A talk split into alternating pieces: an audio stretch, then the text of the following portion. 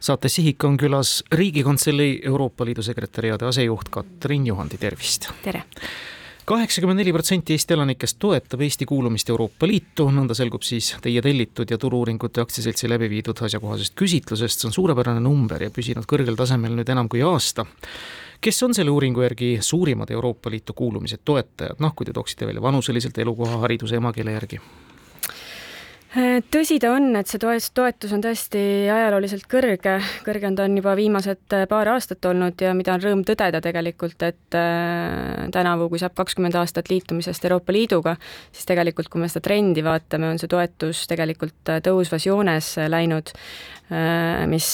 mis on igati tore trend, et vastupidine trend paneks kindlasti muretsema aga selle läbi viidud uuringu järgi siis äh, Eesti elanikest äh, eelkõige toetavad, mis on huvitav, toetavad Euroopa Liitu kuulumist keskmisest enam siis äh, nooremad, viieteist kuni kahekümne üheksa aastased ja siis teisipidi ka natuke vanemad, seitsekümmend viis ja pluss, pluss elanikud. et selline natukene kahest äärmusest sellised grupid ja ülejäänud jäävad kuhugi sinna keskele ja, ja kui veel vaadata, siis äh, noh, pigem kõrgharidusega inimesed, Eesti kodakondsusega inimesed ja ka kõrgemasse sissetulekugruppi äh, äh, kuuluvad inimesed, et see on siis see, mida see uuring sel aastal meile näitas.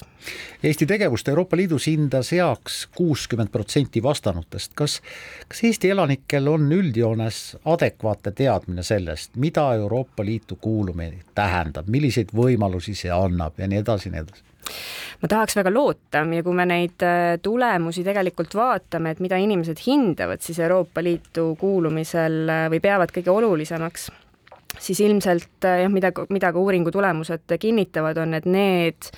asjad, mida tuntakse kõige noh, lähemal oma nahale, ehk siis ikkagi see vaba liikumine, vaba reisimine, õppimine, töötamine teises liikmesriigis, mis noh, ongi ühed ju põhi sellised väärtused ja, ja vabadused Euroopa Liidus, et, et miks me seda kõike teeme. Et hea on näha, et seda, seda hinnatakse ja need nii-öelda hüved on jõudnud siis ka tegelikult Eesti elanikeni ja teiseks noh, mis on viimastel aastatel kasvav selline oluline põhjus olnud, on ikkagi julgeolek et see ei pane kuidagi imestama selles situatsioonis, kus me praegu oleme äh, sõjaga Ukraina vastu, et see on, on väga, väga loogiline, aga et seega, et äh, noh, NATO puhul on see ilmselt äh, niisugune eeldatav ja loogiline, aga et ka Euroopa Liidu puhul seda hinnatakse, see julgeolek, see kindlustunne, mida selles ühises riikide ühenduses andmine meile ikkagi, ikkagi annab. Katre, kui hea on üldse Eesti elanike teadmine Euroopa Liidu toimimisest, tema otsustusmehhanismidest, pädevustest ja kas näiteks Euroopa Liidu juhtorganitel, parlament, komisjon, ülemkogu, nõukogu tehakse vahet? seda ma nüüd ei küsinud, aga see on äh, hea küsimus ja kui ma pean niimoodi arvama, siis mm -hmm. ma arvan, et äh, neile inimestele, kes igapäevaselt sellega ei tegele, on täiesti andeks antav, et see asi läheb äh, pisut sassi, sest et neid põhilisi organeid, kes neid otsuseid teevad ja otsustas tege-, otsuste tegemises osalevad, on ju mitu ja et mida, mis etapil tehakse, see nõuab natukene süvenemist. Et kui me vaatame seda, kuidas Eesti inimesed hindavad seda, et Eesti, mida Eesti teeb Euroopa Liidus ja kuidas seal hakkama saab, siis see on tegelikult, on, on need hinded ka üle keskmise kõrged, et, et, et suureks pettumuseks põhjust ei ole, aga noh, ma olen täiesti kindel, et hea selgitustöö ja, ja ja otsuste taustade avamisega saab see number kindlasti ka kõrgem olla nojah, ja ilmselt Euroopa Parlament on Euroopa Liidu institutsioonidest ikka üks tuntumaid, seda enam, et sel aastal on valimised. Tõsi ta on, sel aastal on valimised Eestis, peaks need olema üheksandal juunil kus siis äh, valitakse Eestist uuesti seitse siis äh, meie liiget Euroopa Parlamenti. Äh, ja need on tegelikult väga olulised valimised, sest et sellega hakkab uus poliitiline tsükkel Euroopa Liidus, vahetuvad ka teiste tippinstitutsioonide tippkohad, presidendid, eesistujad ja nii edasi. ja sellega pannakse tegelikult alus järgmiseks viieks aastaks suurteks suundadeks Euroopa Liidus, et, et selline väga, väga huvitav, aga kindlasti väga märgiline aasta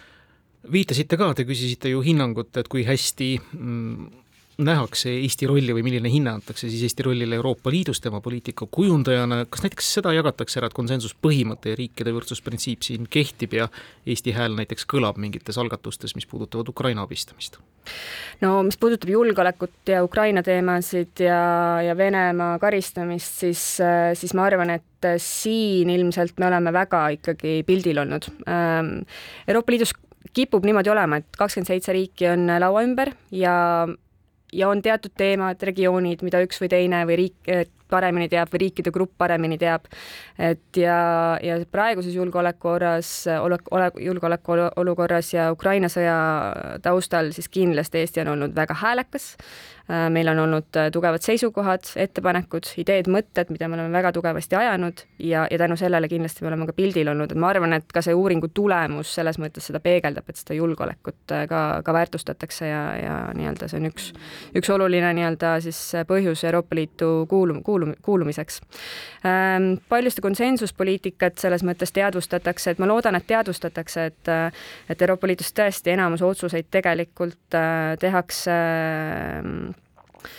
tehakse, siis otsitakse võimalikult palju, võimalikult laia toetuspinda sellele tegelikult, ei ole kellegi huvides äh, kellestki üle sõita või üle hääletada, äh, sest et äh, noh, neid otsuseid riigid peavad kõik ühiselt lõpuks rakendama tänu sellele võib-olla teatakse ka keskmisest rohkem Eestis Orbani nime võib-olla. jah, ja tänu ajakirjandusele ka teatakse Orbani nime Eestis oluliselt rohkem. kuulge, kui me rääkisime sellest et, et kaheksakümmend neli protsenti Eesti elanikest toetab Eesti kuulumist Euroopa Liitu, siis ega nii lihtsa matemaatikaga seda võtta ei saa, et ülejäänud kuusteist on vastu. et paljud ilmselt eh, ei oska vastata või neil on ükskõik jah, ma arvan, et see paljuski kindlasti taandub ka sellele, sellele teadlikkusele ikkagi, eks ole, et mida Euroopa Liit teeb, mida Eesti seal teeb, et äh, inimeste, inimesed elavad erinevates inforuumides, et kui me vaatame ka seda vastajate tegelikult nii-öelda vastajate gruppide kaupa seda tulemust, siis arusaadavalt äh, on, on seal, on seal erinevused ähm,. aga ma arvan, see kaheksakümmend neli protsenti on siiski väga-väga kõrge tulemus tegelikult, et, et loomulikult pingutame edasi, aga, aga tasub rahul olla kas meil on mingit sarnast näidet tuua, mida Euroopas tervikuna, Euroopa Liitu kuuluvad riigid ja nende kodanikud arvavad Euroopa Liidu liikmelisusest, kas on kuskil, kus on see näitaja kõrgem? Selle vastuse jään nüüd kohe siin võlgu, et siin kindlasti võib äh, Eurobaromeetri äh, uuringuid äh, kõrvale vaadata. minu meelest seal... oli viiskümmend neli Euroopa Liidu keskmine viimane mm. Eurobaromeetris et.... no sellega me oleme ikka kõvasti, kõvasti üle Euroopa Liidu keskmise, et ja kui vaadata, ega seal, seal on huvitav, kui vaadata vanu ja uusi liikmesriike tegelikult kõrvutada, et noh, et et kui palju usaldatakse näiteks Euroopa Liitu või mida arvatakse, siis ega see meil on ikkagi üle keskmise kõrgem, kui me mõne vana liikmesriigiga näiteks, kes on Brüsselile palju lähemal ka geograafiliselt äh, võrdlema. kas me võime siit välja lugeda ka selle, et me oleme ka üsna usinad neid hüvesid kasutama, ehk siis üha rohkem reisima, välismaal töötama, õppima? ma loodan, et see viimase kahekümne aasta trend seda tegelikult näitab, sest et äh, noh, mulle tundub, et eestlane on pragmaatiline. kui me liitusime Euroopa Liiduga, siis see oli mingisugune lubadus, lootus, et asjad lähevad hästi ja, ja see trend loodetavasti näitab nüüd seda, et see kahekümne aastaga on, me oleme tõestanud ja Euroopa Liit on ennast tõestanud, et see, et see oli õige otsus toona. erinevatel põhjustel on see siis majanduslik, sotsiaalne heaolu või, või laiem julgeolek. suur aitäh, et tulite ja seda uuringu tulemust meile ka lahti rääkisite kuulajatele, Katrin Juhande, Riigikantselei Euroopa Liidu sekretäriaadi asejuht,